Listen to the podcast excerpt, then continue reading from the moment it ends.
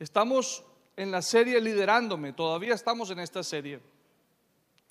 Y hoy vamos a seguir en esa misma línea. El primer servicio, les aseguro, los que no vienen se lo están perdiendo. Pastor Alejandro, Dios lo ha estado bendiciendo con una palabra tremenda. Les animo que vengan. Este hombre se está moviendo con una unción y una palabra de mucha bendición para nosotros. Les animo en gran manera que lo acompañemos y que hagamos parte de eso que Dios está haciendo en casa también. Esta serie Liderándome, lógicamente, se trata de líderes y usted me dirá, como lo dije la vez pasada, bueno, yo no soy líder, no me interesa ser un líder, pero quiero recordarles rapidito que de pronto usted no se considera un líder, pero usted sí está causando influencia en otros. Hay gente que lo está mirando, hay gente que lo está observando, hay gente que lo conoce, sabe su nombre, sabe qué carro maneja, sabe dónde trabaja y de pronto usted no los conoce todavía por algún pequeño detalle que usted hizo alguna vez en su vida, un saludo, una sonrisa, un gesto de abrir una puerta, el ceder el paso en el camino, por algún pequeño detalle usted impactó la vida de otros y fue influencia y eso, eso es ser un líder. Ser un líder también es agregarle valor a otro. Agregar valor a un ser humano significa que usted es un líder. Y yo sé que aquí todos, de una manera u otra, agregamos valor a nuestros hijos, a nuestros nietos, nuestros sobrinos, esposo, esposa, madre, padre, en fin, amigos. O sea que aunque no lo consideremos como tal, aunque no nos consideremos como líderes, sí somos personas de influencia. Entonces es importante entender que sí estamos liderando. Pero no vamos a liderar a otros si no nos lideramos a nosotros primero. Por eso la serie se llama Liderándome. Usted quiere, hay alguien que necesita escuchar esto. Las mejores ideas para poder modificar, mejorar el sistema en una empresa no vienen de los, de los, administradores. Las mejores ideas no lo dan los managers, las mejores ideas no las dan los dueños, los dan los trabajadores. Porque los trabajadores tienen las manos puestas en la masa. Ellos son los que dan las mejores ideas. Entonces, si usted cree, bueno, pero yo en el trabajo soy un simple trabajador, déjeme decirle que si usted de esos trabajadores que son unos facilitadores en su trabajo, usted es inmediatamente un líder. Porque la primera persona en la que el manager, el gerente o el dueño piensa es en usted, porque usted facilita las cosas. Y usted se convierte en una persona que facilita el trabajo y facilita la obra para los demás, no solamente para usted, para el dueño o el manager sino para todos. O sea que sí eres un líder. Alguien necesitaba escuchar eso.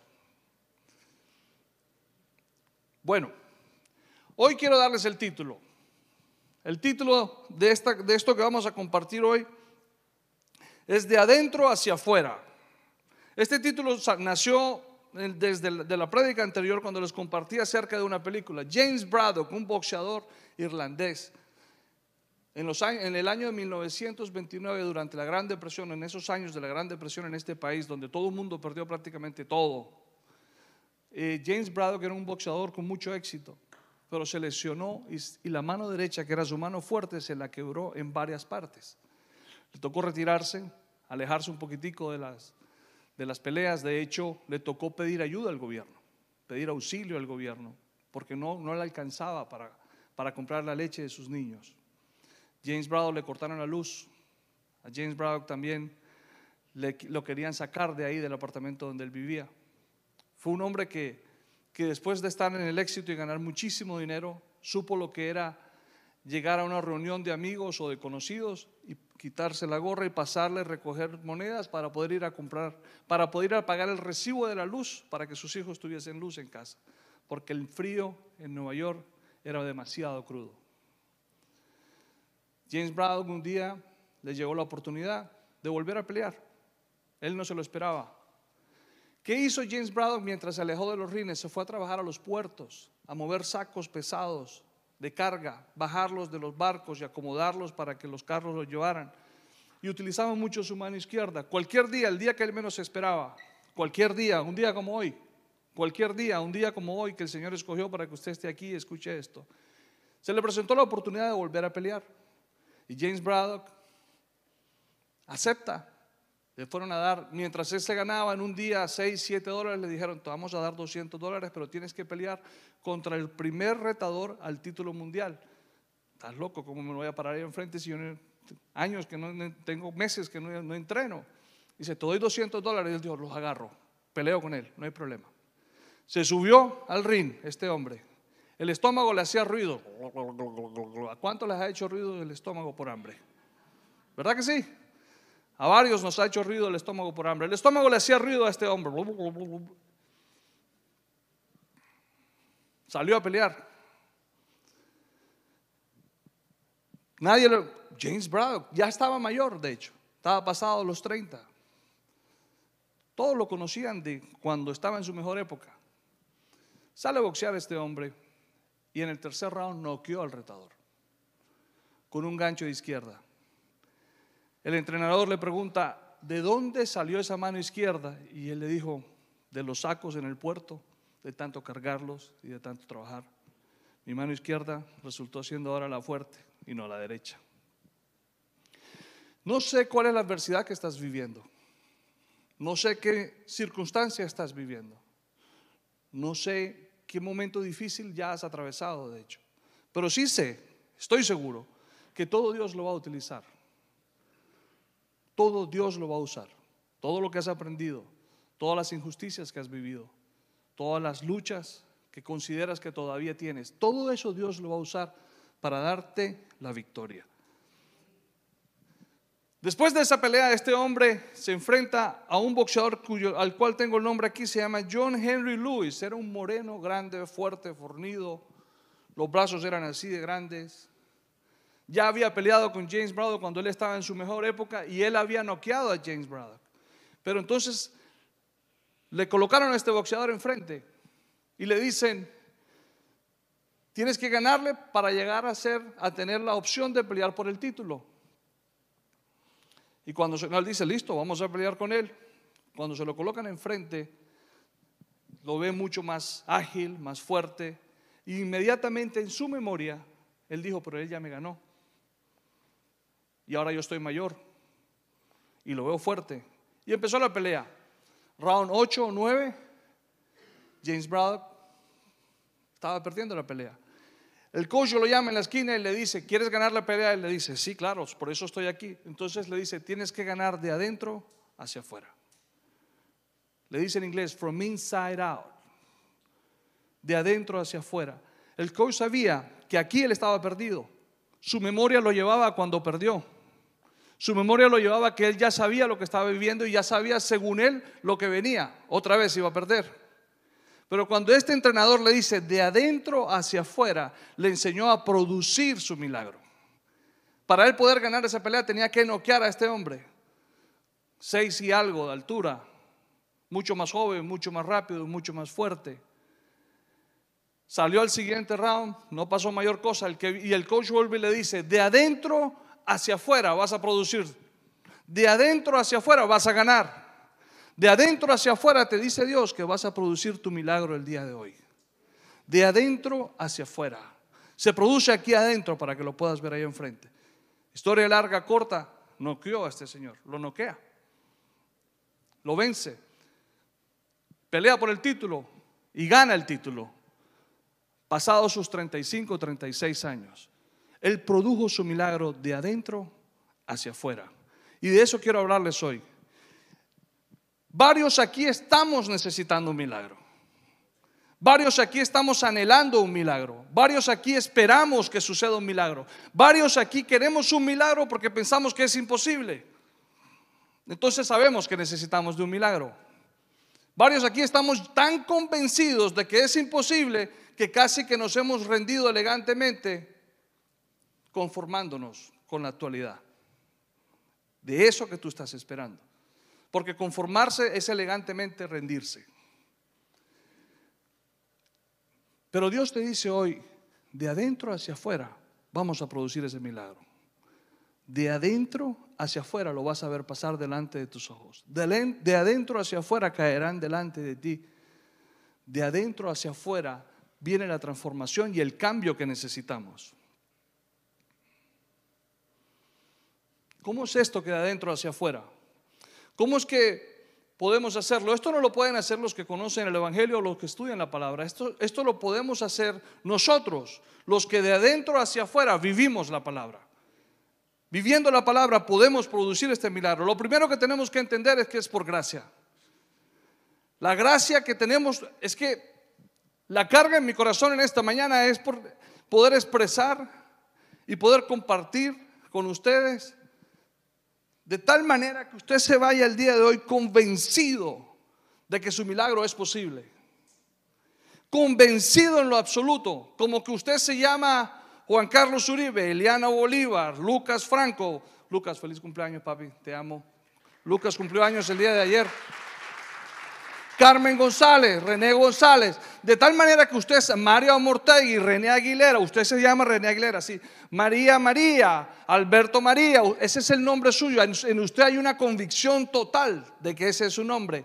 De igual manera usted tiene que irse el día de hoy convencido de que su milagro es posible y que usted lo va a producir de adentro hacia afuera. Entonces, lo primero que vamos a entender, lo primero que vamos a abrazar el día de hoy es que esto sucede por la gracia de Dios. Porque no hay nada que nosotros jamás hayamos podido haber hecho para poder merecer esto. Es un favor inmerecido, es por gracia. La palabra lo dice, lo dice en Efesios 2 del 4 al 9. No lo voy a leer todo porque se me va el tiempo, pero leo desde aquí, dice, de modo que en los tiempos futuros, o sea, ahora, Dios puede ponernos como ejemplos de la increíble riqueza de la gracia y la bondad que nos tuvo. O sea, usted y yo, para el mundo allá afuera, somos el ejemplo que Dios tiene para mostrar. Usted y yo somos la evidencia de la gracia de Dios. Usted, usted y yo somos esa, esa, ese recibo, esa factura que Dios dice, aquí está, ellos son míos. Usted y yo somos esa evidencia. Entonces dice, en los tiempos futuros, para mí los tiempos futuros son ahora. El futuro es ahora, el futuro de Dios es ahora, el tiempo de Dios es ahora. Entonces dice, Dios puede ponernos como ejemplos de la increíble riqueza de la gracia y la bondad que nos tuvo como se ve en todo lo que ha hecho por nosotros, que estamos unidos a Cristo Jesús. Dios los salvó por su gracia cuando creyeron, solo teníamos que creer. Y ahí Dios nos salvó. Ustedes, o sea, nosotros, no tenemos ningún mérito en eso. Es un regalo de Dios. La salvación no es un premio. La salvación no es un premio por las cosas buenas que hayamos hecho, así que ninguno de nosotros puede jactarse de ser salvo. Ok, perfecto por gracia. Ok, listo. Uf, menos mal que es por gracia, porque si fuera por obras, esta iglesia estuviera vacía. ¿Verdad? Si fuera por lo que yo hiciera, wow. O por lo que hiciéramos, no estuviéramos aquí. Entonces es por gracia. Uh, eso está muy bien. Ahora, tenemos una gran ventaja. Aparte de la gracia, oh, también hay una ventaja. Sí, la ventaja se llama el Espíritu de Dios. ¿Qué dice la palabra? Dice que por la naturaleza pecaminosa, que es enemiga de Dios siempre y que nunca obedeció las leyes de Dios y jamás lo hará. Eso está en Romanos 8:7. Pero el 9 dice, pero ustedes no están dominados por su naturaleza pecaminosa. Nosotros no estamos dominados por esa naturaleza. Está ahí. No la podemos, no nos podemos engañar tampoco. Vamos a ser honestos. Allí está. Si no, recuérdese lo que hizo ayer. O lo que hizo hace dos horas. ¿Verdad? Ahí está. No nos digamos mentiras, ahí está la naturaleza pecaminosa. Pero dice, dice que nosotros no somos dominados por ellas, somos controlados por el Espíritu. Sí, el Espíritu de Dios vive en nosotros. Y recuerden que los que no tienen el Espíritu de Cristo en ellos de ninguna manera pertenecen a Él. O sea que es a través del Espíritu. El Espíritu de Dios está en nosotros. O sea, tenemos gracia y tenemos el Espíritu de Dios. Wow. Vamos bien. Es por gracia, o sea que no hay nada que yo hubiese hecho. Pero aparte de eso tengo el Espíritu de Dios. Ahora, Romanos 8:11 me dice, el Espíritu de Dios, quien levantó a Jesús de los muertos, vive en ustedes, vive en nosotros. Vive en nosotros, está vivo, ahí está, se hace sentir, habla. Dios habla, Dios habla cuando planchamos, Dios habla cuando lavamos los platos, si no pregúntenle a los hombres en el ayuno. Dios habla cuando nos bañamos, cuando nos afeitamos. Dios habla cuando manejamos. El Espíritu de Dios siempre está hablando a nosotros porque vive en nosotros. Así, y dice, ah, y así como Dios levantó a Cristo, Jesús de los muertos, Él dará vida a los cuerpos mortales mediante el mismo Espíritu. Y otra vez hace énfasis, ¿quién vive en nosotros? Por gracia y por la ventaja del Espíritu Santo. ¿Qué podemos producir de adentro hacia afuera? Se estará usted preguntando. Si no se lo está preguntando, yo sí me hice esa pregunta. ¿Qué podemos producir de adentro hacia afuera? A mí la palabra me lo dice en Filipenses 4:13, que yo creo que todos se lo saben, dice, pues todo. Todo. La palabra dice todo. Dice, pues todo lo puedo hacer por medio de Cristo, quien me da las fuerzas. Uh, esto me está gustando. Esto quiere decir que mi milagro es posible. Porque si es todo, significa que es todo. No, pero es que eso es muy difícil, pastor. Usted no tiene pastor, si le contara, ok, cuéntame y yo después de que me cuentes, yo te leo y te digo, pues todo lo puedo hacer por medio de Cristo, quien nos da las fuerzas. O sea que Dios está contigo en el asunto y Dios quiere que lo puedas hacer todo. ¿Por qué dijo Pablo esto? Porque eso fue Pablo. Leamos el 12, dice, sé vivir con casi nada o con todo lo necesario. O sea, él, supo vivir en los extremos. Ahora dice, he aprendido el secreto de vivir en cualquier situación, sea con el estómago lleno o vacío, con mucho o con poco. O sea que Dios lo puede hacer todo no importa en la situación en la que tú estés, si hay abundancia o hay escasez, si hay mucho o hay poco, todo. Dice que todo lo puedo hacer en Cristo que me fortalece, todo. Ok, recordemos algo, es el Espíritu del Señor el que habita en nosotros, lo cual nos permite, porque si habita en nosotros nos permite, y vive en nosotros, nos permite vivir esto. ¿Estamos? No quiero que se me pierdan. Es el Espíritu del Señor que porque habita en nosotros y a través de Cristo podemos hacerlo todo, pero a través del Espíritu Santo que habita en nosotros podemos vivir esto, porque Él vive en nosotros. Esto lo podemos vivir a través del Espíritu. Ahora, el Señor le dijo a Jeremías lo siguiente, el Espíritu del Señor habita en nosotros. Pero ¿qué le dijo el Señor a Jeremías? El Señor le dijo a Jeremías, yo soy el Señor, Dios de todos los pueblos del mundo. ¿Hay algo demasiado difícil para mí? ¿Qué tal esa pregunta? ¿Hay algo demasiado difícil para Dios tu Padre? Te pregunto yo en esta mañana. ¿Hay algo demasiado difícil para ti? ¿Qué está ahí en tu cabeza? ¿Qué está ahí en tu corazón que es imposible que te has rendido? ¿Qué está ahí en tu cabeza que tú piensas, ya esto es demasiado difícil, no voy más con esto? ¿Qué está ahí guardado en lo más profundo donde tú dijiste, ya, eso ya avancé, eso ya no importa, yo estoy en otra etapa de mi vida? No, ¿qué está allí? Porque el Señor te dice que Él es el Dios de todos los pueblos del mundo. Y después le preguntó a Jeremías, ¿hay algo demasiado difícil para mí? ¿Hay algo demasiado difícil para Dios? Si es el dueño de todo el mundo, de todos los pueblos del mundo. Ok. Vamos bien hasta ahí, ¿verdad? Ahora, ¿cómo hacemos esto? ¿Cómo producimos de adentro hacia afuera? ¿Cómo podemos hablarle a ese milagro y decirle es posible? ¿Con qué convicción lo podemos hacer? Dame un camino, dame una forma, porque es que siempre preguntamos cómo. ¿O no? Todo eso suena muy lindo, todo eso suena muy hermoso. Y quiero decirles, no estoy hablando palabra de motivación, es lo último que quiero hablar. Si usted se da cuenta, he citado la palabra, todo está en la palabra. Aquí yo no estoy motivando ni moviendo las emociones a nadie. Estoy hablando palabras, estoy hablando verdad, estoy liberando la palabra sobre su vida, la que transforma, la que nos da el fundamento para poder avanzar en este caminar. ¿Cómo lo puedo hacer? Filipenses 2 del 5 al 8, se los voy a leer. Jesús nos dio el mejor ejemplo. Pero mira lo que dice la palabra, dice, tengan la misma actitud que tuvo Cristo Jesús. Aunque era Dios, no consideró que el ser igual a Dios fuera algo a lo cual aferrarse. Ok, ¿me estás hablando de Jesús? Sí, pero ¿cómo me vas a poner a Jesús de ejemplo si Jesús es Jesús? Pero a mí la palabra me enseña que Jesús cuando estuvo aquí en la tierra era un hombre como tú y como yo.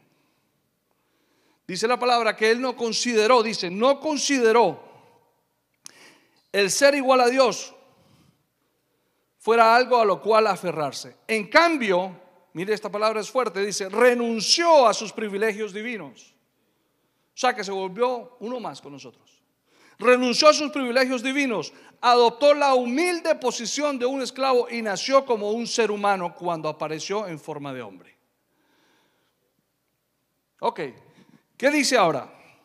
Se humilló a sí mismo en obediencia a Dios y murió en una cruz como morían los criminales. Rápido, rápido, rápido, les puedo resumir. Tuvo la actitud correcta. Él tuvo la actitud correcta. Renunció a su agenda, a sus privilegios divinos. Tuvo un corazón humilde. Dice que adoptó la humilde posición. Humildad. Necesitamos humildad para poder hacer esto. Necesitamos un corazón humilde, un corazón enseñable, un corazón que no se tome las cosas personales, un corazón que esté dispuesto a escuchar, un corazón que calle los pensamientos para escuchar lo que te está hablando el hermano, la hermana, la esposa, el esposo, los niños, la niña, el nieto. Un corazón humilde. La humilde posición de un esclavo y nació como un ser humano cuando apareció en forma de hombre. Ahora después dice que se humilló. ¿Cómo se humilló Cristo? Ahí dice la palabra. En obediencia a Dios.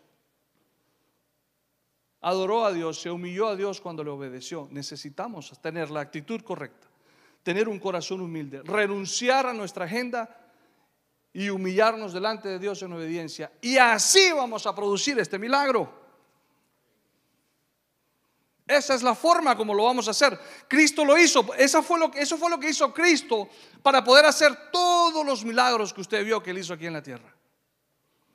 Esa fue la manera, esa, no hubo otra forma. Esa fue la. Esta, si a usted le gustan las fórmulas, a mí casi no me gustan, pero esta mañana el Señor me, prácata, prácata, y me jaló el pelo. Me dijo, aquí hay una fórmula. Esta es la fórmula.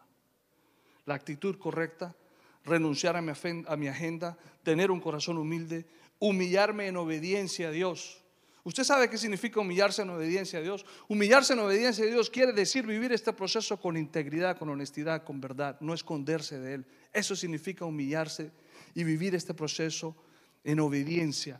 Humillarse es un proceso que no corta las esquinas. Usted sabe que usted tiene que caminar por esta esquina y dobla aquí, pero es más rápido si usted hace esta curva aquí y se vuela a esa esquina. Le aseguro que va a tener que volver a esa esquina.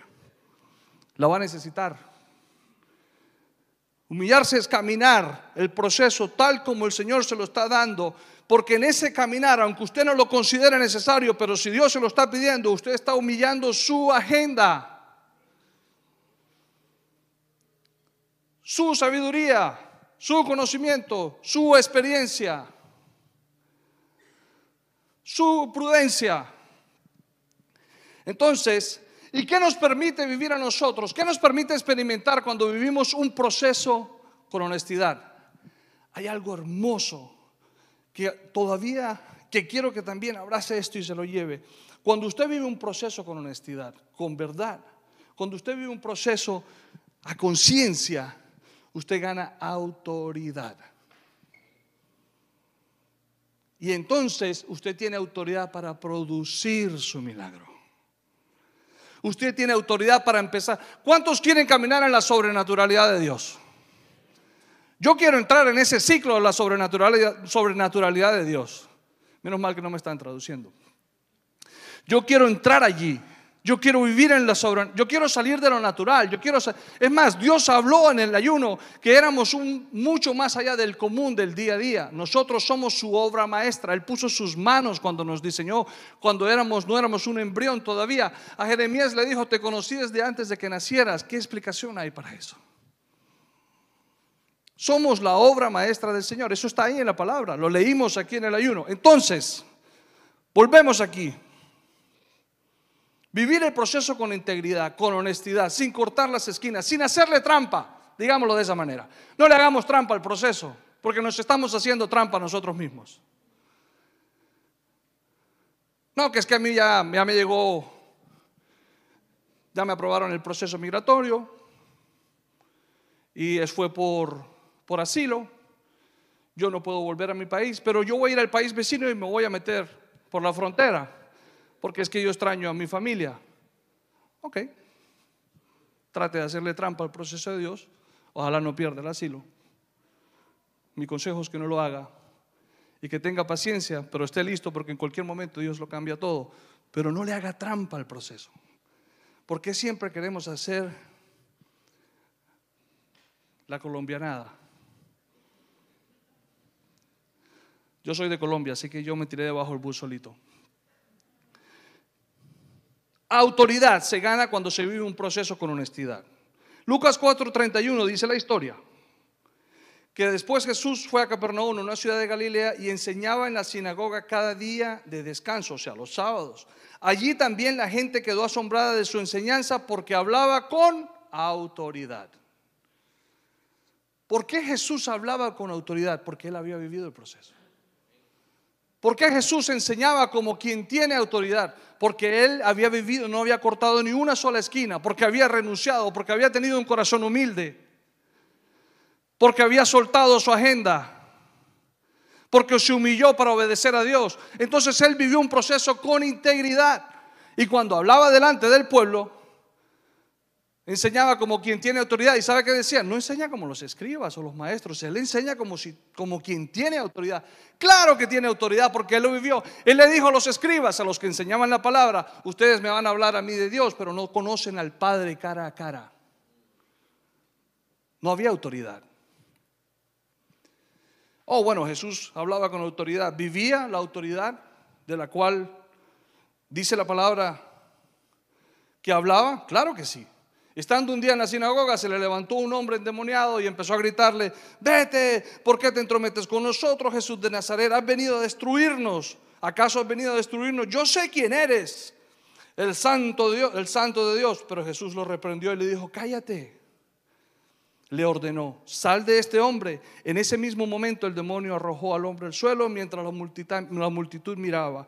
Luego salió de él sin hacerle más daño. La gente asombrada exclamó, ¿Qué poder y autoridad tienen las palabras de este hombre? Hasta los espíritus malignos le obedecen y huyen a su orden. Porque él vivió el proceso con integridad. Porque él era un hombre igual que nosotros. Lo vivió con honestidad. Fue tanta la honestidad con la que él lo vivió que cuando estuvo en el monte, en el monte de la transfiguración, sudó sangre de miedo, de temor y en dos ocasiones le dijo al Padre, Señor, si es posible que yo no viva esto. Pero volvió y rindió su agenda y dijo, mas no se haga mi voluntad sino la tuya.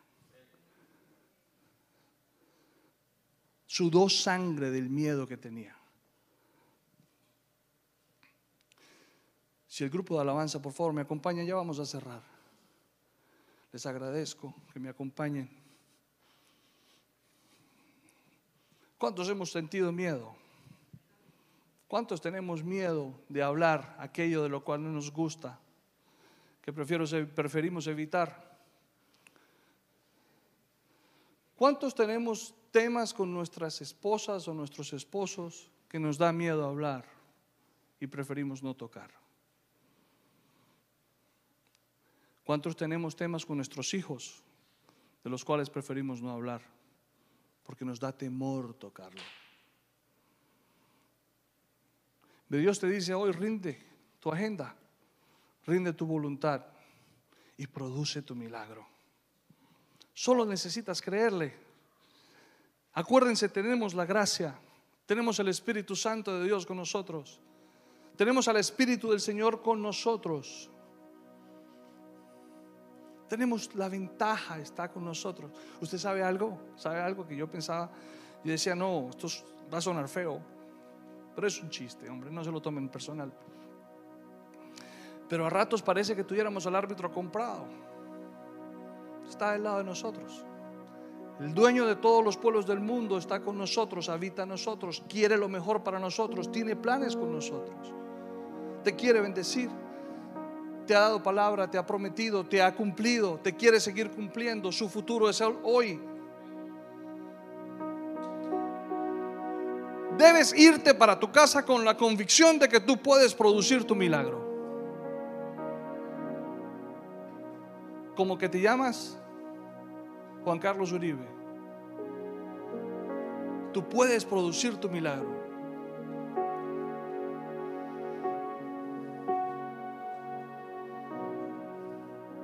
¿Qué ¿Qué nos impide producir este milagro?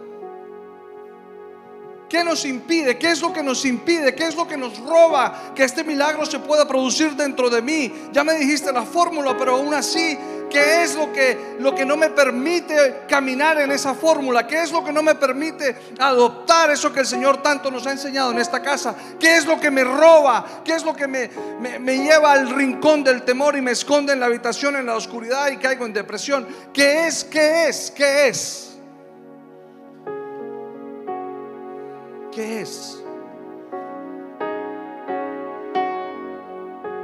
Jesús les dijo a sus discípulos en Mateo 19, 23, les dijo, les digo la verdad, es muy difícil que una persona rica, rica entre en el reino del cielo.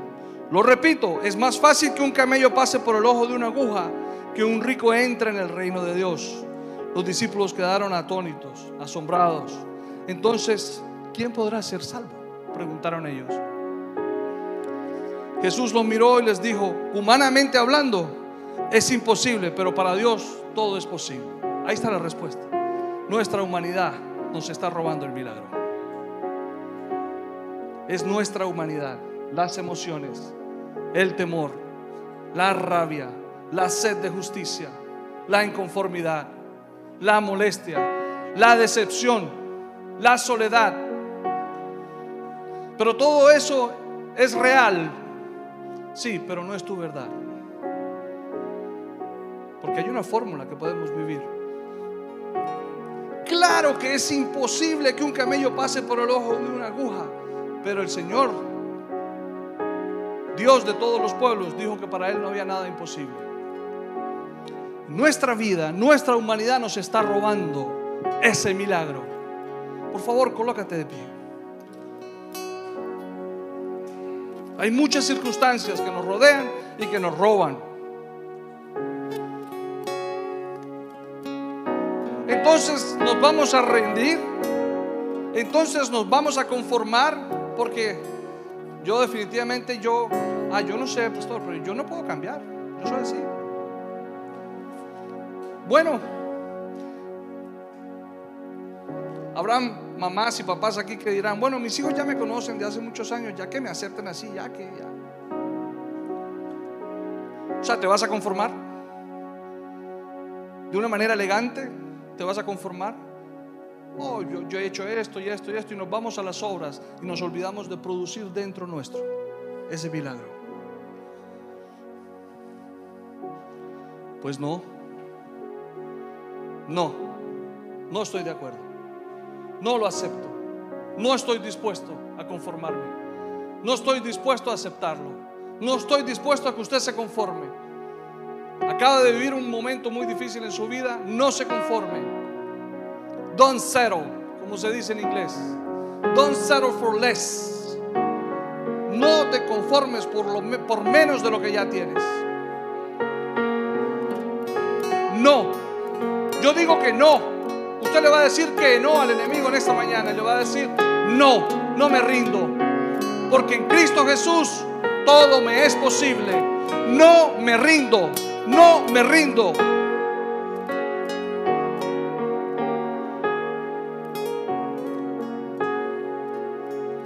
Un hombre desesperado a los pies de Cristo. Y le dijo, Señor, sana a mi hijo este demonio lo ataca de día y de noche y lo tira al fuego y lo quiere matar, lo quiere asesinar. Y tus discípulos han orado por él y no ha pasado nada. Y Jesús dice, ¿cuánto tiempo más tengo yo que estar en medio de ustedes? Incrédulos. No le dijo eso al Señor, al Padre, se lo dijo a sus discípulos. Y volteó al Padre y le dijo,